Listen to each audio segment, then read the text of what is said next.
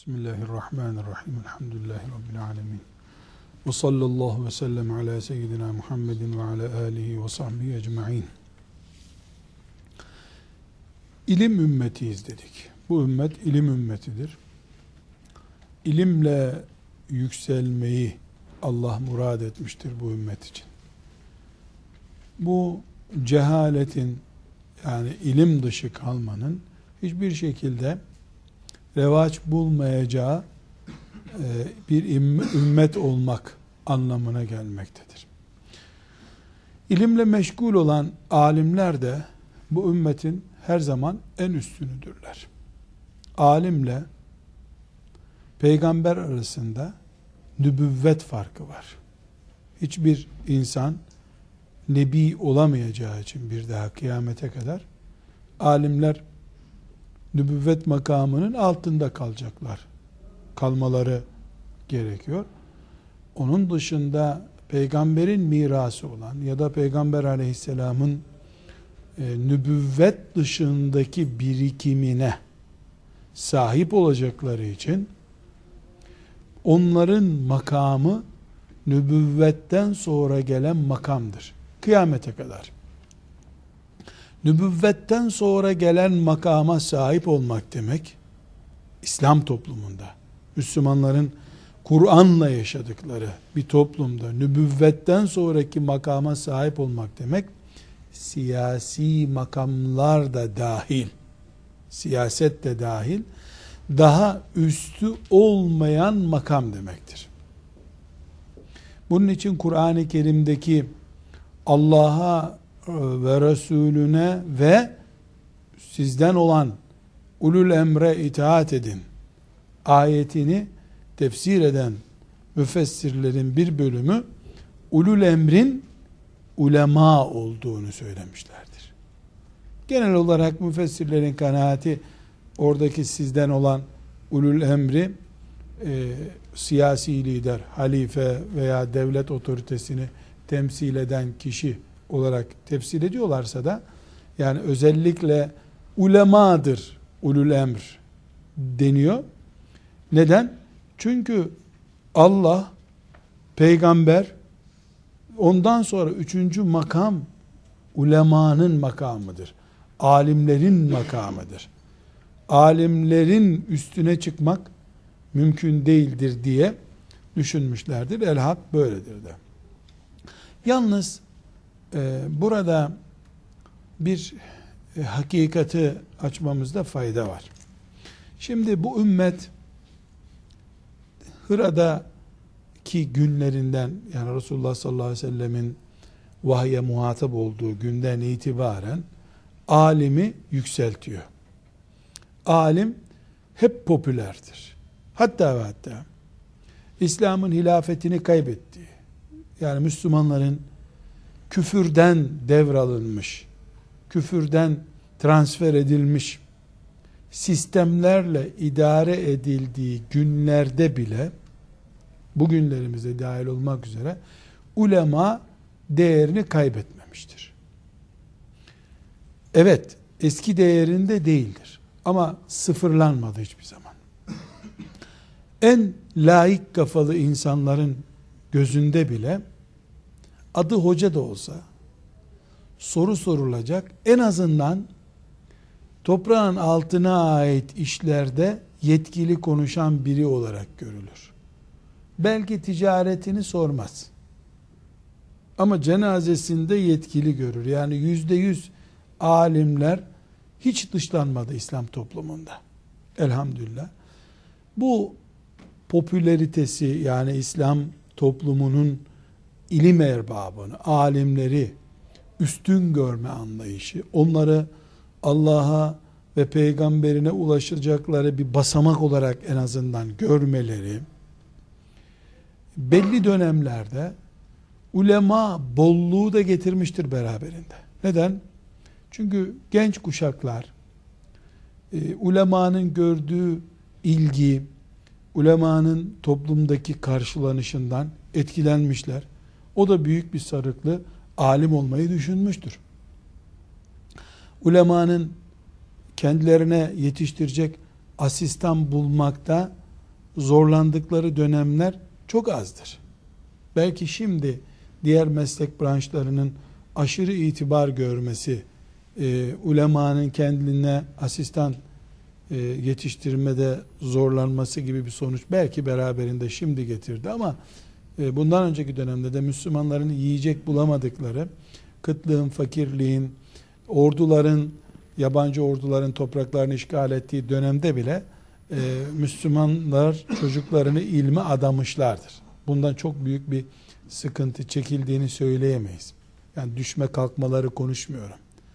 Yani belli bir Harun Reşit döneminde e, ayyuka çıkmıştır.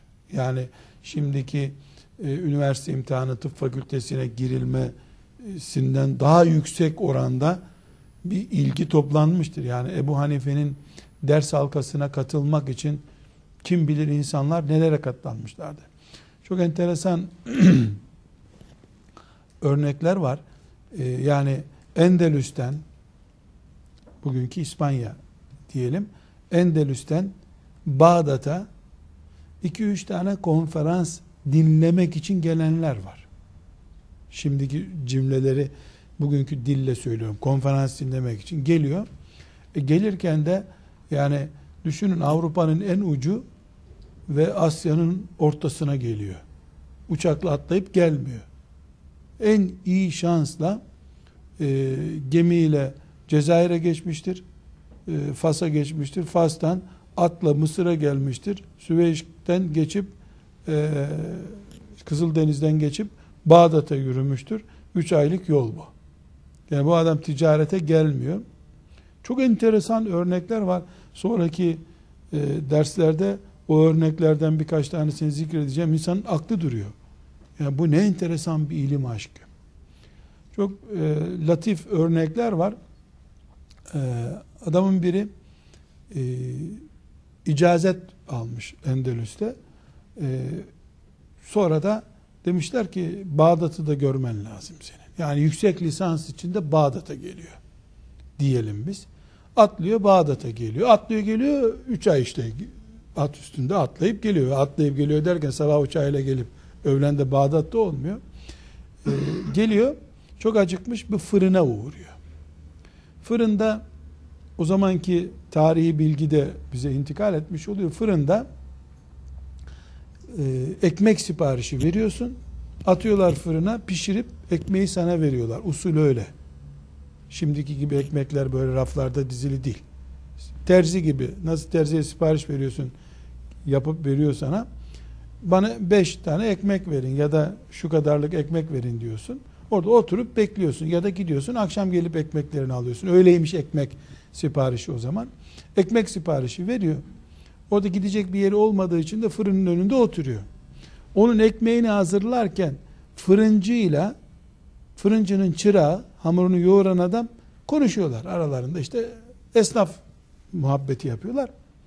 Şimdi konu şöyle bir şeymiş bunun hatıratından öğreniyoruz biz.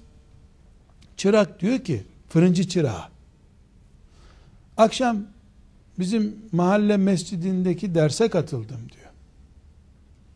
Oradaki ders yapan zat istisna yemini konusunda farklı düşünüyor diyor. İstisna yemini şimdi ben nasıl izah edeceğim size diye merak ediyorum. Mesele şu. Yemin ediyorsun. Şöyle yapacağım diyorsun. Sonra yeminine de istisna katıyorsun. Mesela örnek olsun diye söyleyeyim. Vallahi tavuk yemeyeceğim diyorsun mesela. Örnek olarak söylüyorum.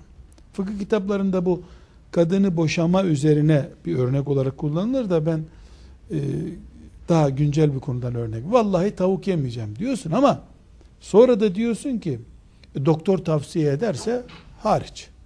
Doktor tavsiye ederse. Yani bu ne demek? Yeminim doktorun tavsiyesi dışında geçerli demek istiyorsun. Bunu Türkçe nasıl söylemem lazım benim? Eğer doktor tavsiye etmezse vallahi tavuk yemeyeceğim. Böyle bir yemin bu.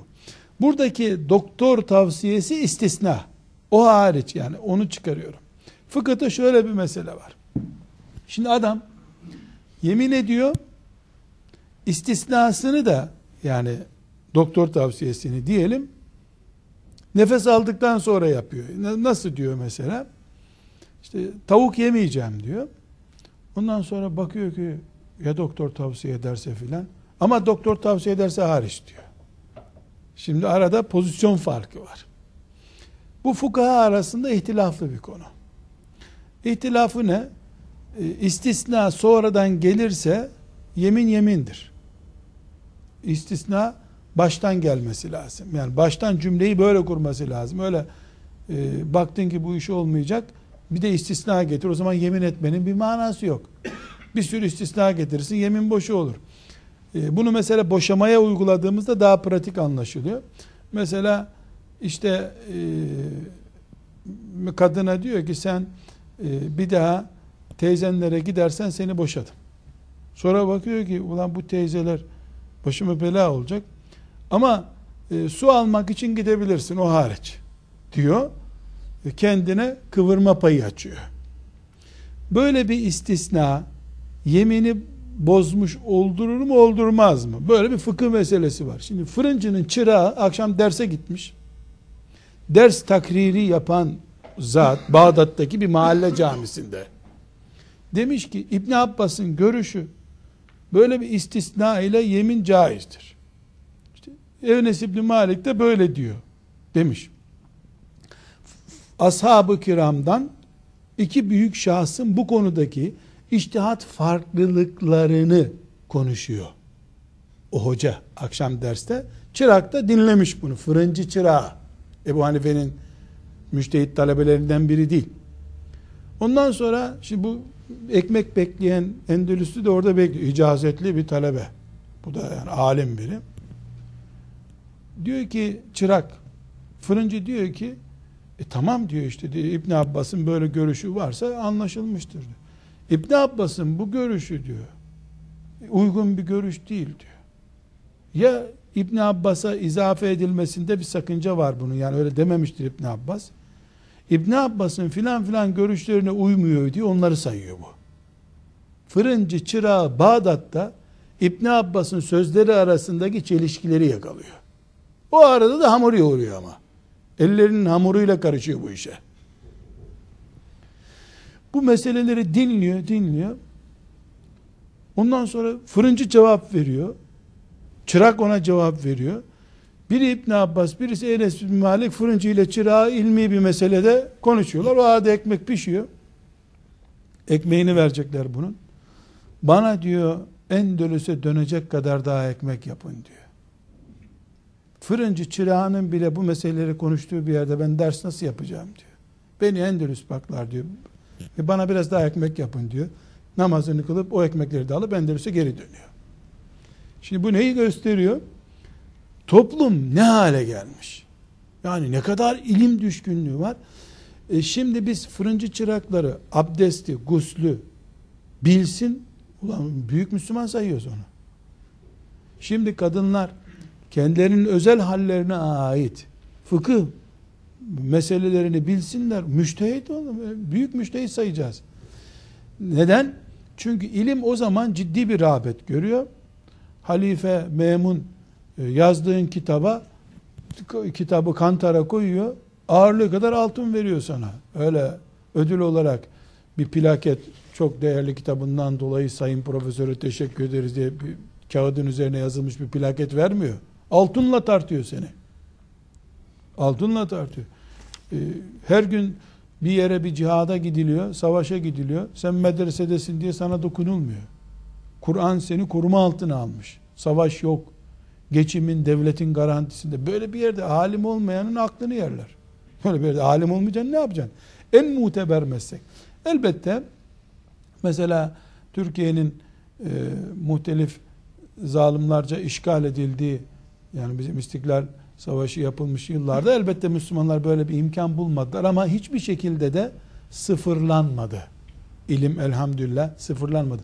Günün birinde sıfırlansaydı zaten bize kadar hadis ayet nasıl gelecekti şimdi?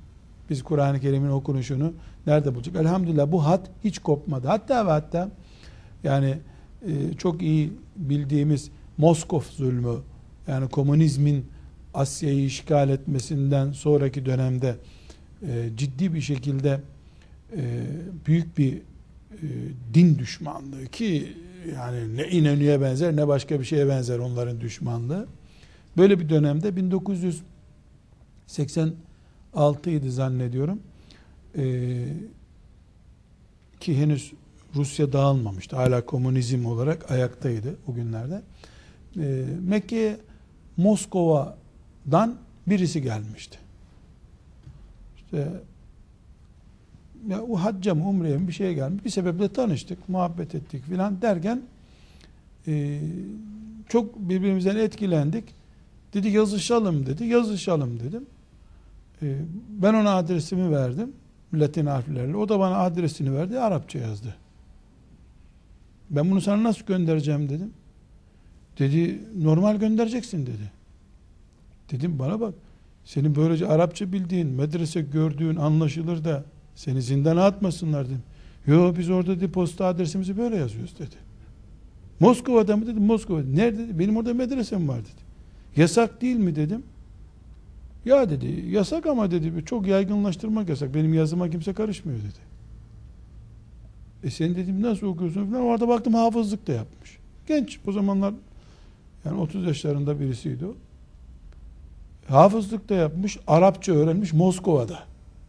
Moskova'da Arapça öğrenmiş. Dedim sen ne yapıyorsun? Biz dedi 50-60 tane talebeyiz dedi. Medresemiz var okuyoruz dedi. Biz de Rusya deyince yani A harfi bile yok Arapçaya benzer diye. Öyle zannediyordum o zamanlar. Meğer öyle değilmiş. Yani bu neyi gösteriyor? Evet ormanı e, yakmışlar. Doğru. Ama Allah saksılarda fidan besletiyor. Fidanlar var. Yanınca orman dikmiş Allah onları oraya gene din kaybolmamış. E bizde de e, 1920'den 50'ye kadar olan süreç budur. Orman kökünden yakılmış. Dozerlerle köklerini bile kazımışlar ama Allah'ın bir bahçede fidanlar olarak beslediği şeyleri unutmuşlar.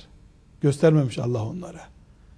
Şimdi bu Rusya hatırasını niye anlattım? Yani din hiçbir zaman ulemasız kalmadı. Kalitesi düştü alimlerin. Ayrı bir konu. Yani bilgisayar geldi, kaliteyi düşürdü. İş, diploma çeşidi arttı ilgiyi düşürdü ama sıfır seviyesini hiç görmedi elhamdülillah. Bu hakikatlerde arkadaşlar yani şunu vurgulamak istiyorum özellikle ümmeti Muhammed imanını koruduğu sürece ilim adamı olmak itibar meselesidir. Sadece e, belli dönemlerde e, ilim adamlığı e, tasavvuf erbabı tarafından ikinci sınıfa itilmiş dönemler olmuştur. Yani e, Arapça bilmese, hafız olmasa, fıkıhtan anlamasa bile bir post devralan, e, herhangi bir fakihten, Ebu Hanife'den, Malik'ten daha değerli kabul edildiği dönemler olmuştur. Bu bir cehalet türüdür. Cehalet türüdür. Yani İmam Şafii rahmetullahi aleyh e, böyle fıkıh bilmeden e, tasavvufun derinliklerine dalan sadece kendini fasık yapar. Başka bir şey olmaz diyor. E, böyle böyle dönemler olmuş ama bu tasavvufun genel karakteri değil. Tasavvufta cehaleti resmileştirme aslında yoktur. Ama babasından, dedesinden veya bir yolla tasavvufta bir post şinaslık almış. Yani bir tekkenin başı olma, şef olma durumuna gelmiş birisi e ben cahilim gidin hoca efendiye sorun demeye her zaman yanaşamamış. Öyle diyeni de var Allah razı olsun. Yani öyle diyeni de var. Bu iş ilim işidir. Bizim işimiz nefis terbiyesidir. Biz de onlardan öğreniyoruz deme faziletini gösteren de olmuş. E, şunu diyen de olmuş ama zahiri ilimler, zahiri ilimler. Zahiri ilim dediğine iştihat gerektiren ilim. Ebu Hanife'yi zahir, zahir. Sen ne biliyorsun? Batini Batini ilmi sen nereden aldın? Hangi medresede gördün? Gece uyurken Şeyh Efendi getirip disket yüklemiş bunun şeyine, kalbine ondan almış. Allah'tan eskiden CD, flash disk filan bilmiyorlardı da flash diskle doktorlar kafama koydu filan diyemiyorlardı. İlham, işte ledun ilmi, böyle kendilerine göre bir istilahlar üretmişler. Tasavvuf böyle değil. Böyle olan tasavvufu tasavvuf kabul etmiyoruz. Onun adı tasavvuf değil. Çünkü ilimsiz, cehaletle yürütülen ne tasavvufta hayır var, ne dinde hayır var. İslam cahilliği asla benimseyemez. Zahiri vesairesi de yoktur. E, tasavvufun ağır toplarından ve önde gelen yakın zamana ait önde gelen isimlerinden olan İmam Rabbani'nin mektubatında defalarca bunun cahillik olduğunu, böyle bir şey yapmanın İslam'ı bilmemek olduğuna dair ciddi uyarılar var. Yani fıkıhsız tasavvufun değeri yok diye kendisi özellikle söylüyor. Ama buna da cevapları nedir? Oradaki derin anlamı sen anlamazsın. E bu adam böyle diyor diyorsun. O iş ayrı sen anlamazsın. İşte aslında başlarım İmam Rabbani'den diyecek ama e, onu da dese kendi kuyusunu kazacağı için. Onun da derin bir manası var. Bu da bunda hepsi cahillik türü. Bunun dışında İslam ilimle yükselmiş bir din olduğu için ilmi nübüvvetten sonra alemi nebiden sonraki makama taşımış bir din olduğu için ilim adamı olmak revaç bulan bir şeydir. Bu beraberinde ilim adamlarının yani alimlerin, ulema sarığı takanların e, kendi içinden bazı sorunlar üretmiştir. Yani bir şeyin revaç bulması, yoğun taraftar bulması, sorunsuz olması anlamına gelmiyor. Zaman zaman yükselen azalan dosajlarıyla ilim adamlarının yani İslam ilim adamlarının herhangi bir coğrafyacı, astronotu filan kastetmiyorum. Fıkıhla veya tefsirle işte diğer ilim dallarından birisiyle meşgul olmuşların iç sorunları vardır. İlim adamlarının iç sorunları diye bir başlıkta bunu inceleyebiliriz. Arkadaşlar e, bu sorunları bilmemizin bize ne faydası var? Bir, alimlerin ayakları nerelerde kayıyor bunu tespit ederiz.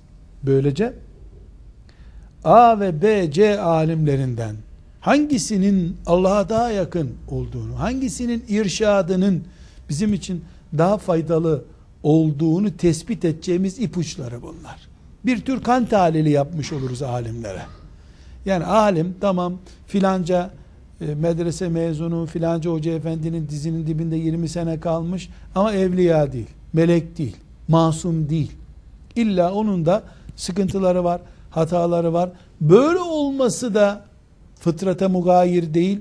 Böyle bir iddiası da yok İslam'ın zaten. Yani İslam şöyle demiyor. Medreselerimde 20 sene yetişen masumdur. Böyle bir şey yok.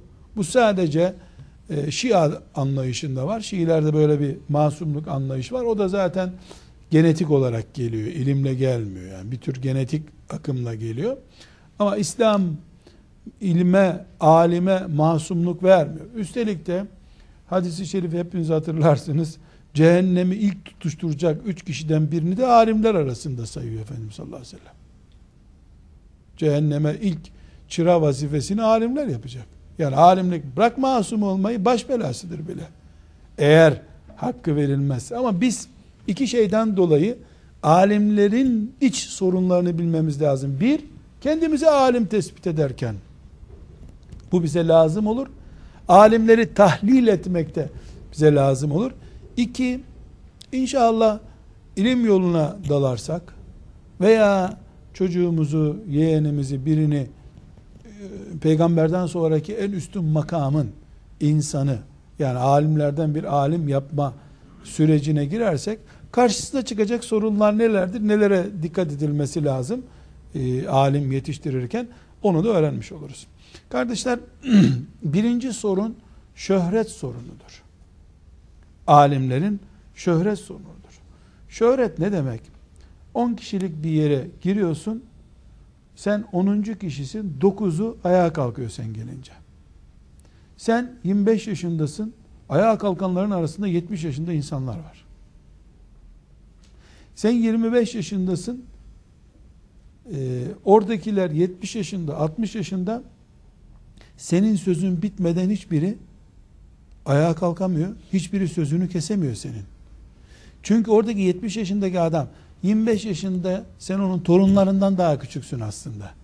Ama senin arkandaki gücün nübüvvet gücü oldu. Senin Allah'a temsil ettiğini, peygamberi temsil ettiğini bildiği için sana saygısızlık yapacak olsa Allah'a karşı saygısızlık yapmış olacağını düşünüyor. Sana hürmeti senden gelmiyor. Taşıdığın vasıftan geliyor. Peygamberin varisi. Hadis okuyorsun sen. Senin sözünü kesse Resulullah'ın sözünü kesmiş oluyor. Sen tefsir okuyorsun. Senin sözünü kesse Allah'ın sözünü kesmiş olurum diye korkuyor. Kendi torunları, yeğenleri adamın önünde ceketsiz duramıyorlar. Sen adama bağırıp çağırıyorsun. Adam kimsenin selamını almıyor. Gururlu bir adam. Sen adama bağırıyorsun. Tabi hocam baş üstüne diyor sana. Bir yere giriyorsun. E, sen sofrada yemeye başlamadan kimse yemeye başlamıyor. Alimler bir komünist topluluğuna bile girseler, mülhit bir adamlara girseler gene e, bu kadar olmasa bile hürmet görürler. Ben e, en az 30 senedir kürsülere çıkıyorum. Kahvelerde konuşuyorum. Berbat meclislerde konuşuyorum. Konuşma lan deyip bana sırtını dönen rastlamadım şu ana kadar. Hep beni takva adamlar dinlemiyor ya. Özellikle mesela e, bir aile mahkemesine giriyorsun. Ağzı alkol kokan adam bile dinleyelim bu hocayı bakalım ne diyor diyor. Dediğini yapmıyor sonra. Ama o anda yüzeysel de oldu hürmet gösteriyorlar. Bu şöhrettir. Ciddi bir şöhret. Evet bir başbakan kadar, bir bakan kadar e, yaygın şöhret değildir ama başbakandan güçlü bir şöhrettir. Çünkü başbakan e, milletvekilliğini kaybedip başbakanlıktan düşünce adamın kartının beş kuruş değeri kalmıyor. Alim hiçbir zaman o değeri kaybetmiyor. Gitgide de artıyor alimin değeri. Hatta hatta e, hasbel kader alemin hırsızlık yaptığı, filan kötü işe bulaştığına dair dedikodu çıkmış olsa, etrafı dağılmış olsa bile beş kişi on kişi gene kalıyor. Onun sapıklığında, yanlışlığında bile hikmet görüyor insanlar. Bunun adı şöhrettir. Şöhret arkadaşlar haram değil, suç değil. Yani şöhret olmamak için yapılacak bir dua yoktur. Tıpkı şöhret şehvet gibidir.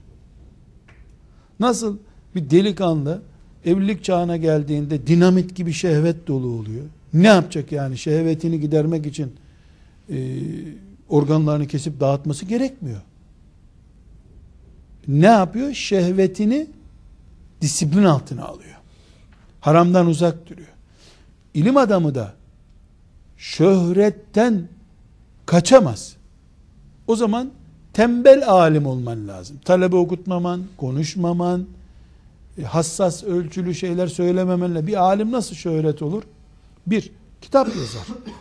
İki, talebe yetiştirir. Üç, insanlara yeni yeni şeyler öğretir. İştihatlar yapar. E, kitap yazmasan niye alim oldun? Talebe yetiştirmesen niye alim oldun? Herkesin bildiği şeyleri tekrar edeceksen niye konuşuyorsun? Yani alim her gün şöhret gerekçesi üretir durumdadır. Kaçması da gerekmiyor bundan. Ama tıpkı zenginin kar, mal buldukça imtihanının ağırlaşması gibi alim de ilmi gereği şöhreti arttıkça imtihanı ağırlaşıyor. Hem o şöhreti Allah yolunda kullanma sorumluluğu geliyor. Hem de şöhrete kapılıp nefsini devreye sokma sıkıntısından kurtulması gerekiyor.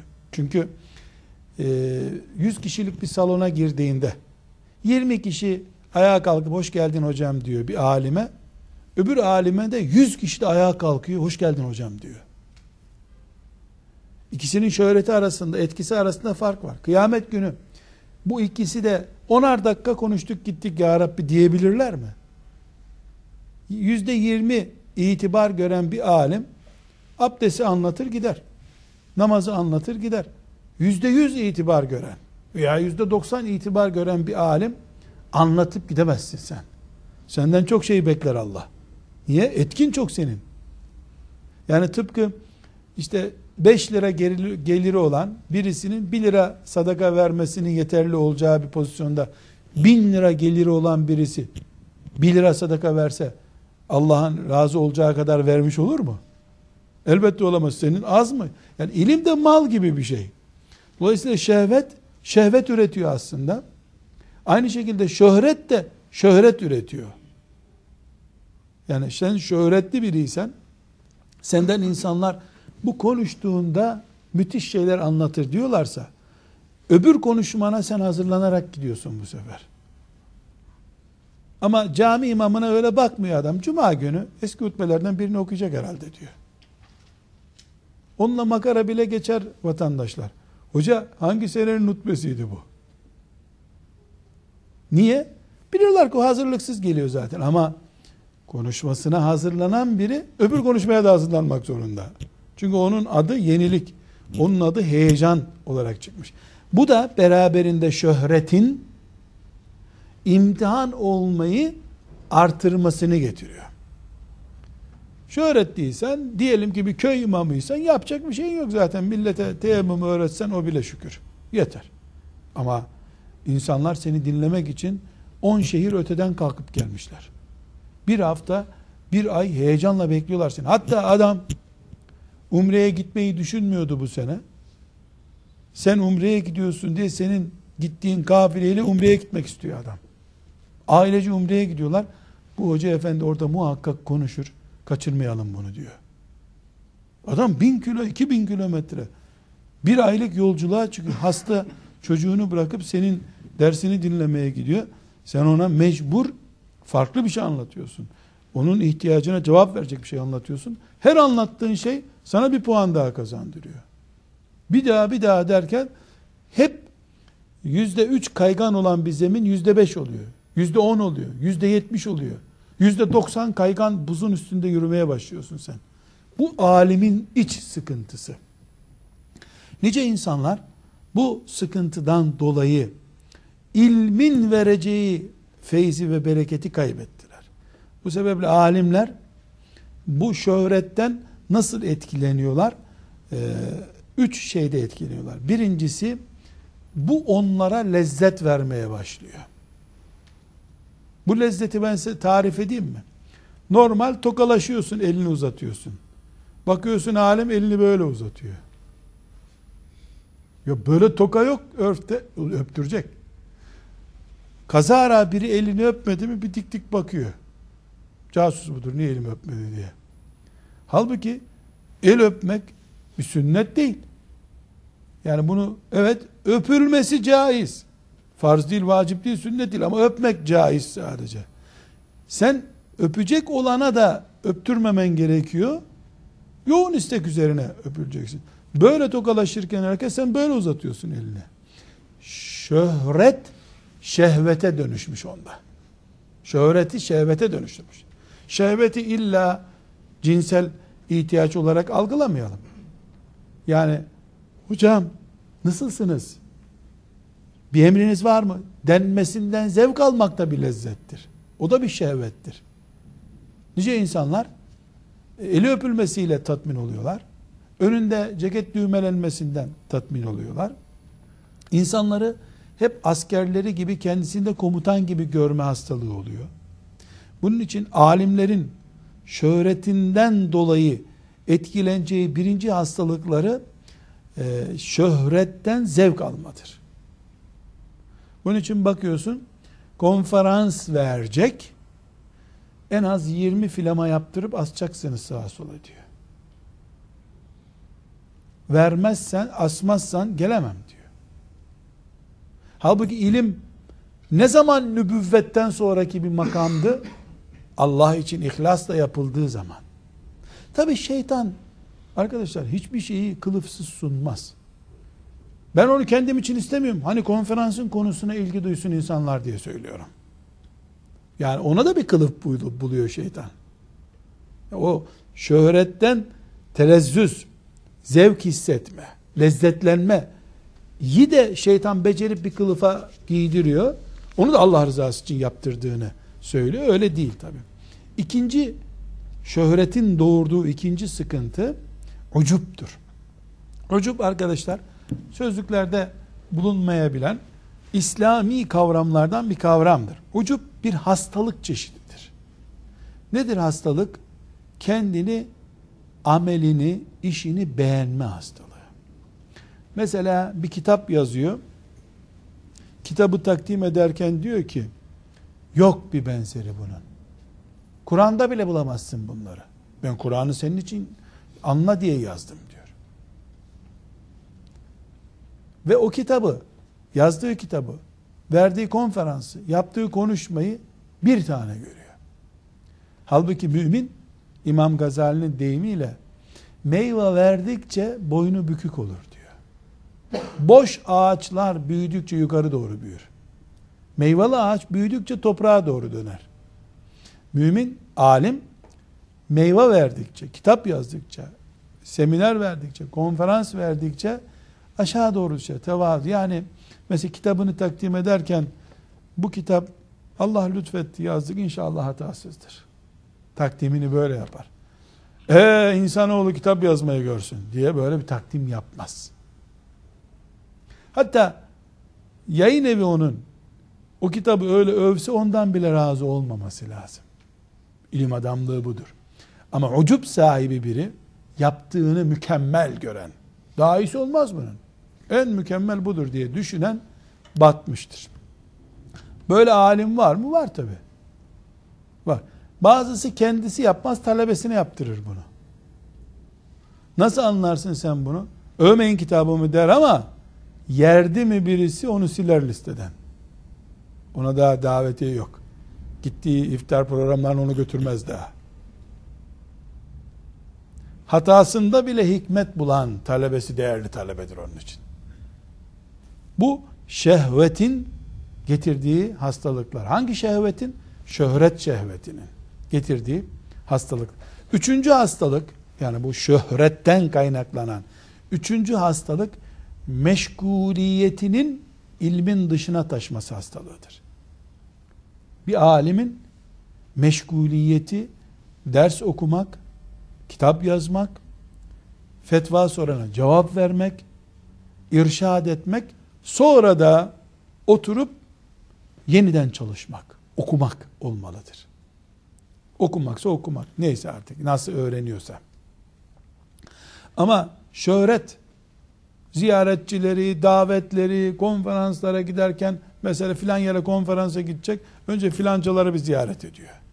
Yani eğer 24 saatin zaruri ihtiyaçlar için olan 8 saati dışındaki ve ibadetlere vesaire ayıracağı 3-4 saatin dışındaki saatlerini ilim dışında bir şeye harcıyorsa mesela ziyafetlere gidiyor, pikniklere gidiyor, gezilere gidiyor, e, toplantılara gidiyor, akraba topla arkadaşlar filan şöhretten kaynaklanan e, mesela fotoğraf çektirmeye vakit ayırıyor ise şöhret ilminin kaynağı olan öğrenmek ve öğretmekten kırpıyor demektir.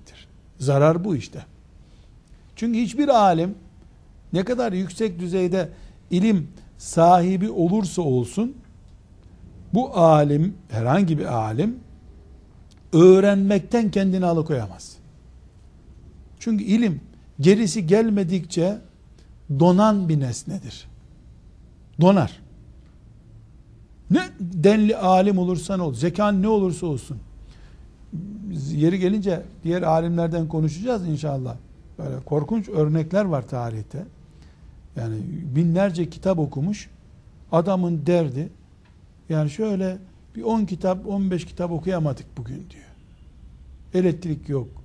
Yiyecek yemek yok. Günde 10 kitap okuyor, 20 kitap yazıyor. Böyle acayip insanlar var dünyada. İlim budur.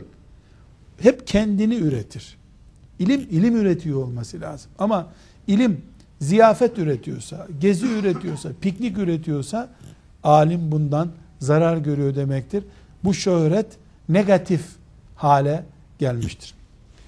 Birinci zarar, birinci sorun, alimlerin iç sorunlarını konuşuyoruz. Birinci sorun şöhret sorunudur dedik. Şöhretten de üç sorun ürüyor dedik. İkinci sorun arkadaşlar, alim eğer yetiştirilme tarzı zühd üzerine kurulu değilse, bir noktadan sonra makam peşinde koşar. Bunun şimdiki adı memurluktur, müftülüktür, profesörlüktür, doçentliktir. Eskiden de vardı bu. Şeyhülislam olmak için birbirini yiyorlardı. Yahut da Nizamül Mülk'ün kurduğu medresede müderris olmak için, baş müderris olmak için alavara dalavara çeviriyorlardı. Bakıyorsun koca alim, ya bu fetvası ile cennete girilir, cehennemden çıkılır. Bir alim öyle basit işlerle uğraşıyor ki gülersin. Talebesi bile olmayacak adama yalvarıyor beni şuraya tayin ettirsene diyor. Çünkü mensıp sahibi olmak yani bir koltuk ve masa sahibi olmak alim için gerekli. Zenginin böyle bir de zenginin fabrika derdi var. Zenginin ticaret derdi var. Onun nasıl ticaret derdi, tır, kon, konteyner filan diye düşünüyorsa zengin, alim de masa derdindedir. Kendisine soru sorulacak, oturulacak bir masa ister. Kütüphane arar. Vesaire işte benzer yatırımlar. Alimler e, makam düşündükleri zaman ciddi bir iç kanama geçiriyor demektir. Çünkü o alimin okuduğu hadislerde makamlar sana gelmesi lazım. Sen makamın peşinde koşarsan helak olursun diye bir prensip vardı. Bu prensibi kendisi yiyor. Okuduğu hadislere uymuyor adam. Alimler elbette mesela cahiller mi Şeyhülislamlık makamında otursun? Ünvan, profesör, doçent, cahil. Hayır alim olsun. Ama ünvanlar senin peşinden gelmeli. Sana aracılar gelip lütfen bu makamı kabul eder misin demelidirler. Eğer alim bunu oluşturmaya yani kendi koltuğunu ağaçtan kendisi yontmaya çalışıyorsa, masasını kendisi yapmaya çalışıyorsa, ilim prestij kaybediyor demektir. E, bu kaybettiği prestij hem onun şahsında zarar hem de ondan din öğrenen, şahsiyet öğrenmeye çalışan Müslümanların nezdinde zarar. Üçüncü e, alimler arasında üçüncü e, makam ya da üçüncü iç sorun insanların övgüsünü ölçü kabul etme sorunudur. Şimdi şöyle örnek vereyim. İsim versem sakıncalı olur. Bu asırda hala yaşayan ve e, şu anda dünyanın en büyük alimlerinden birisi ya da davetçilerinden birisi kabul edilen bir şahıs bir tefsire ön söz yazmış. Arapça Siirt'te birisi bir tefsir yazmış. O tefsire de ön söz yazmış. Yani bu tefsir çok değerlidir diye. Tefsirin yazarı, bu dediğim 10-15 senelik olay. Bu tefsirin yazarı e, o yazılı ön sözü takdim ediyor. Şöyle diyelim A tefsir yazmış. B de bu tefsir çok değerlidir diye takriz yazısı yazmış. Takriz nedir? Övgü yazısı yazmış.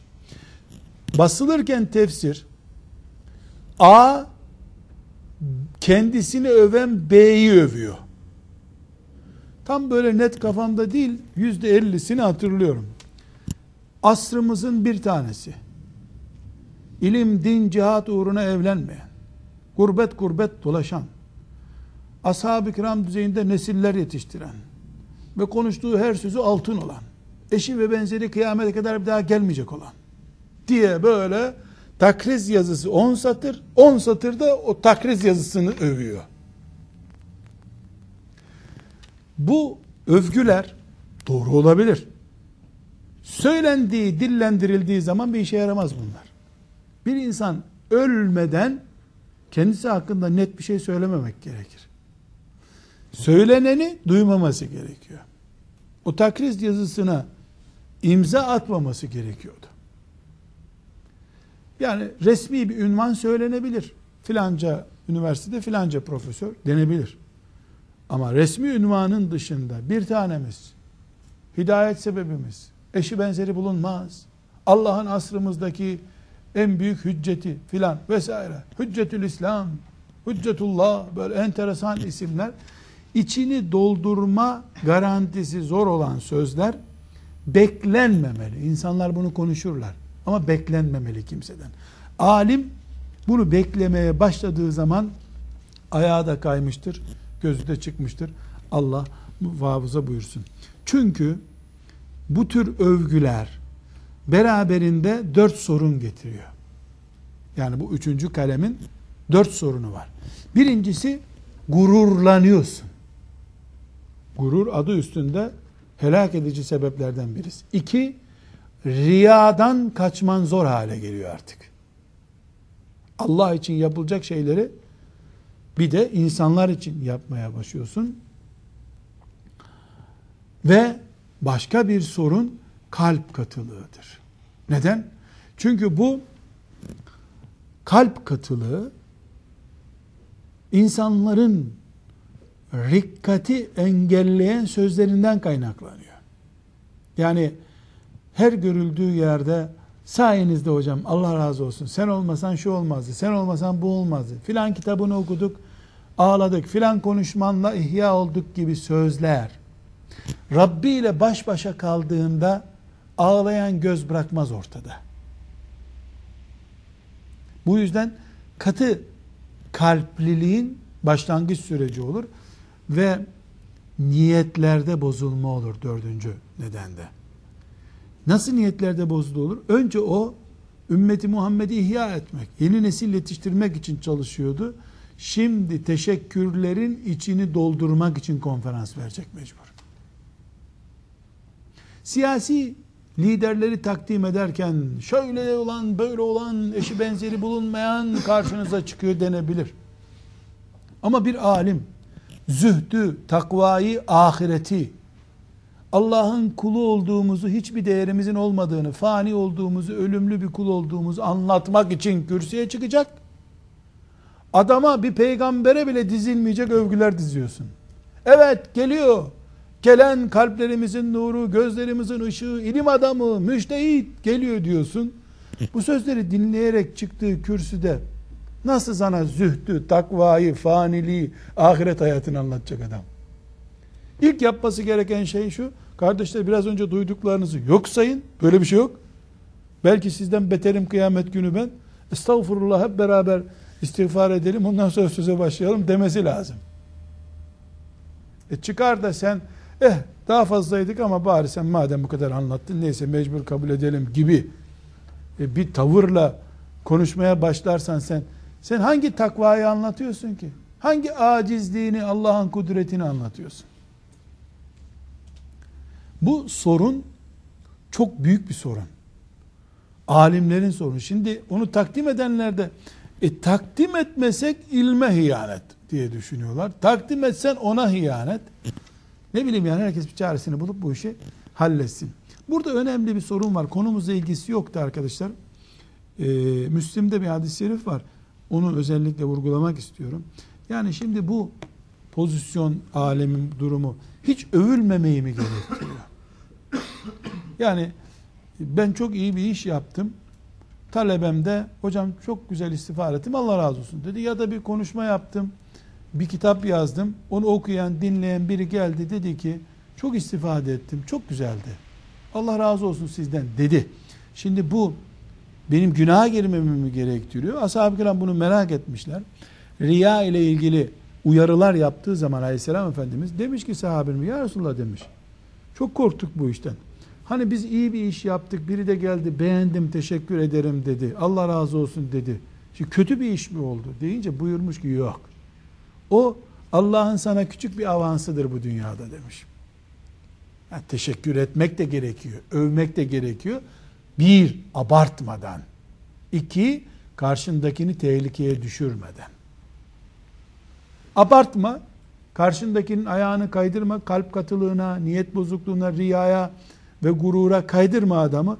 Elbette 30 senedir fıkıh okutan bir adamı takdim ederken Vallahi herhalde bir şeyler anlatacak bir dinleyelim bakalım diye sınava alınmış bir talebe gibi anlatacak halin yok herhalde.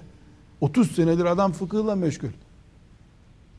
Yani Seyyid Kutub'u takdim ederken beni takdim eder gibi mi takdim edeceksin? Elbette. Yani ama bunu abartmak, eşi benzeri bulunmaz. Bir mucize haline getirmekte ciddi bir sıkıntı var. Alimlerin dördüncü sorunu kardeşler, vaktinden önce olgunlaşma sorunudur. Yani buna vaktinden önce çiçek açma da diyebiliriz. Hani sonbahardan sonra henüz e, ya kış gelir, meyvasını, çiçeğini döker ağaçlar. Bir daha Nisan'da güneş çıkınca çiçek açarlar. Bazen de Ocak ayında 3-4 gün sıcak olur. Bakarsın ağaçlar hep çiçek olmuş. Yaz geldi filan zannedersin. Akıbeti ne oluyor sonra? Şubat'ta bir soğuk daha gelince ne çiçek kalıyor o sene meyve de kalmıyor ağaçta. Alimler de belli bir yaştan önce olgunlaşmaları halinde ya ilim olarak çok erkenden olgunlaşmaları halinde kendi aleyhlerine oluyor bu. Çünkü geliyor bir fırtına ona dayanamıyor, bir daha meyve vermiyor. Ölçü değil ama genelde 40 yaşı olgunluk yaşıdır. 40 yaşına kadar Kur'an herkesi çocuk kabul ediyor arkadaşlar. 40 yaşına kadar herkes çocuk. Bal gibi çocuk hem. Hatta eda belaga 40 seneten. Yani 40 yaşına geldi anasının lafına şöyle dinlemiyor böyle uymuyor diye Kur'an-ı Kerim 40 yaşını zikrediyor. Demek ki 40 yaşından önce 36 yaşında da çocuktur adam. Binaenaleyh 36 yaşında iştihad edersen 42 yaşında tövbe edecek yollar ararsın.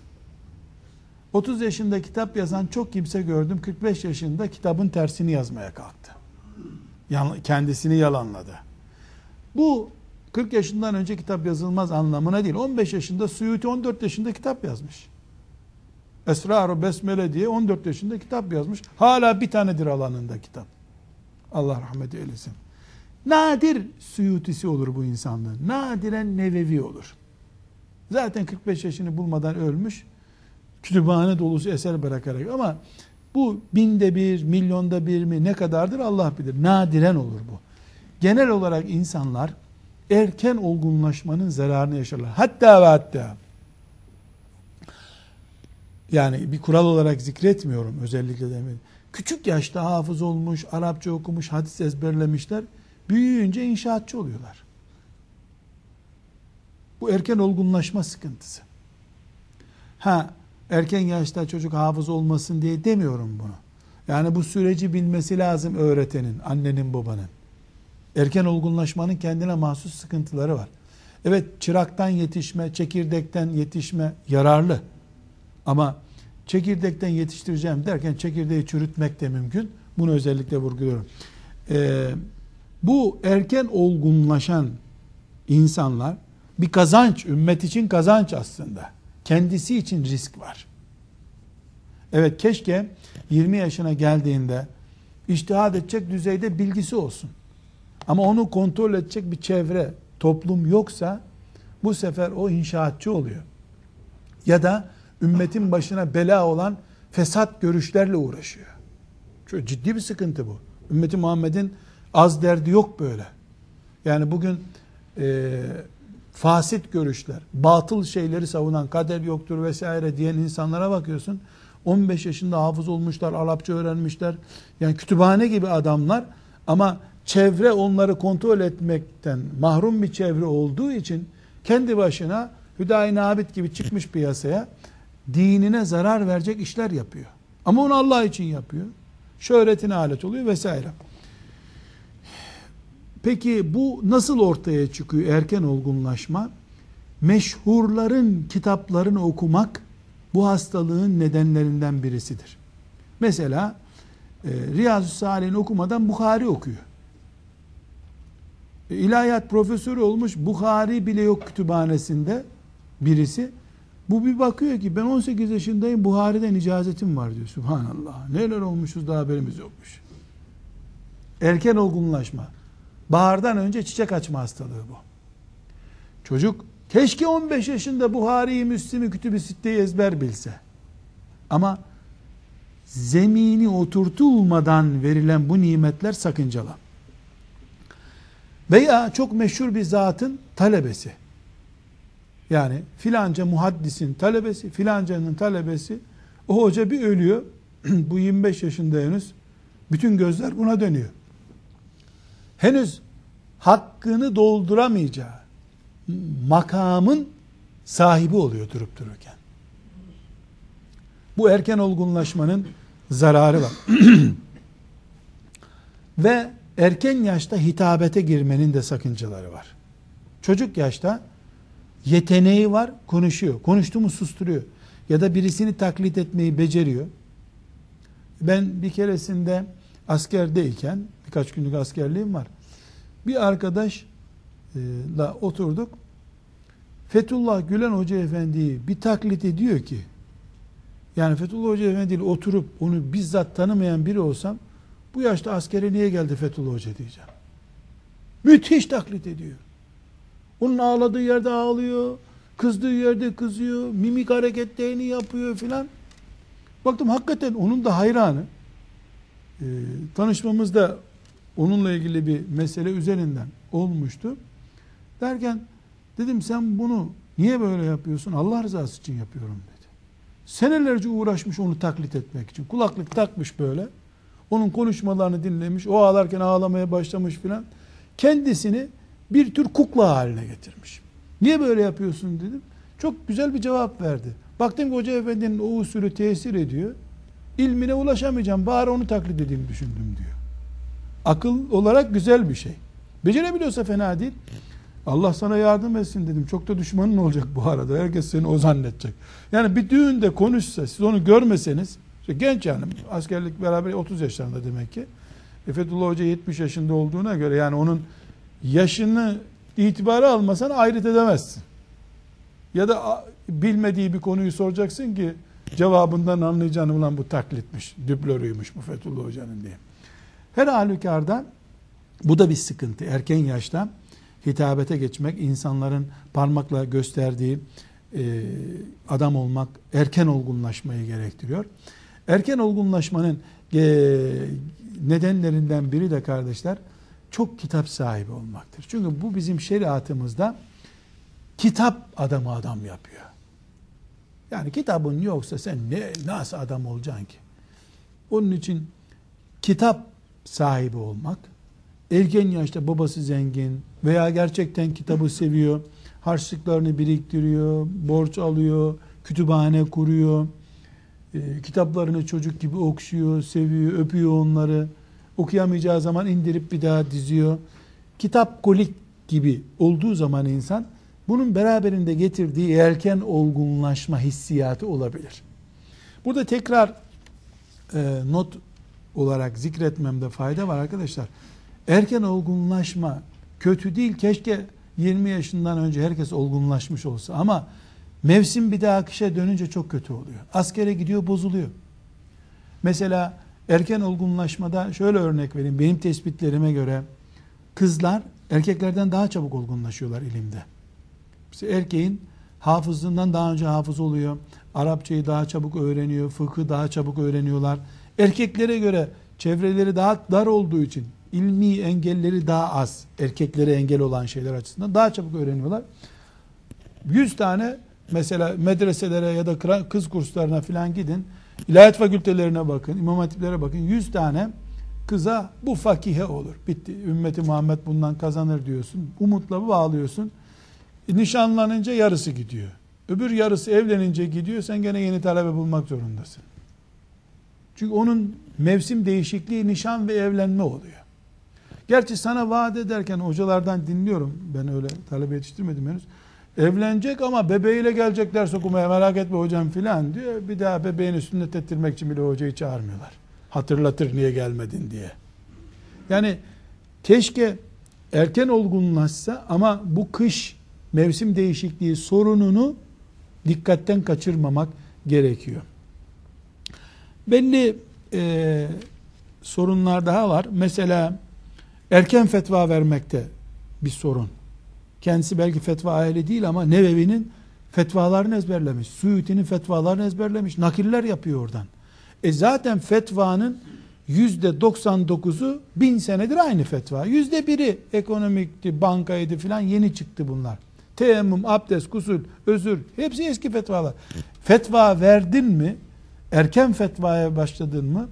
Ondan sonra senin fetvanın dışında fetva takmıyor olabilirsin. Alimlerin beşinci sorunu da bu sorundur. Halbuki diğer alimi takmayan alim, alimliğin vasfını kaybediyor zaten ama kendi sorunu oluşturuyor. Aynı şekilde alimlerde altıncı sorun, böyle hızlı bir şekilde geçelim. Erken üretim yapma sorunudur. Kitap yazma sorunudur. Bu da bir sorundur. Ve bir başka sorun da alimlerde cedelleşme sorunudur. Emsalleriyle, ekranlarıyla veya diğer geçmiş alimle cedelleşmeye başlayan alim sıfırlanmaya doğru gidiyordur. Sözlerimizi tekrar toplayacak olursak kardeşler, biz mukaddes alimler ümmeti değiliz. İlim ve alim ümmetiyiz. Ama mukaddeslik yani kutsallık alimlerde yoktur. Onlar da beşerdir. Onlar da insandır. Onların da zevkleri var. Onlar da yemek isterler. Onların da cinsel ihtiyaçları var. Onlar da yorulurlar. Onlar da sinirlenirler. Onlar da bağırırlar. Onlar da kul hakkı irtikabı yapabilirler. Beşer. Beşer. Bal gibi beşer.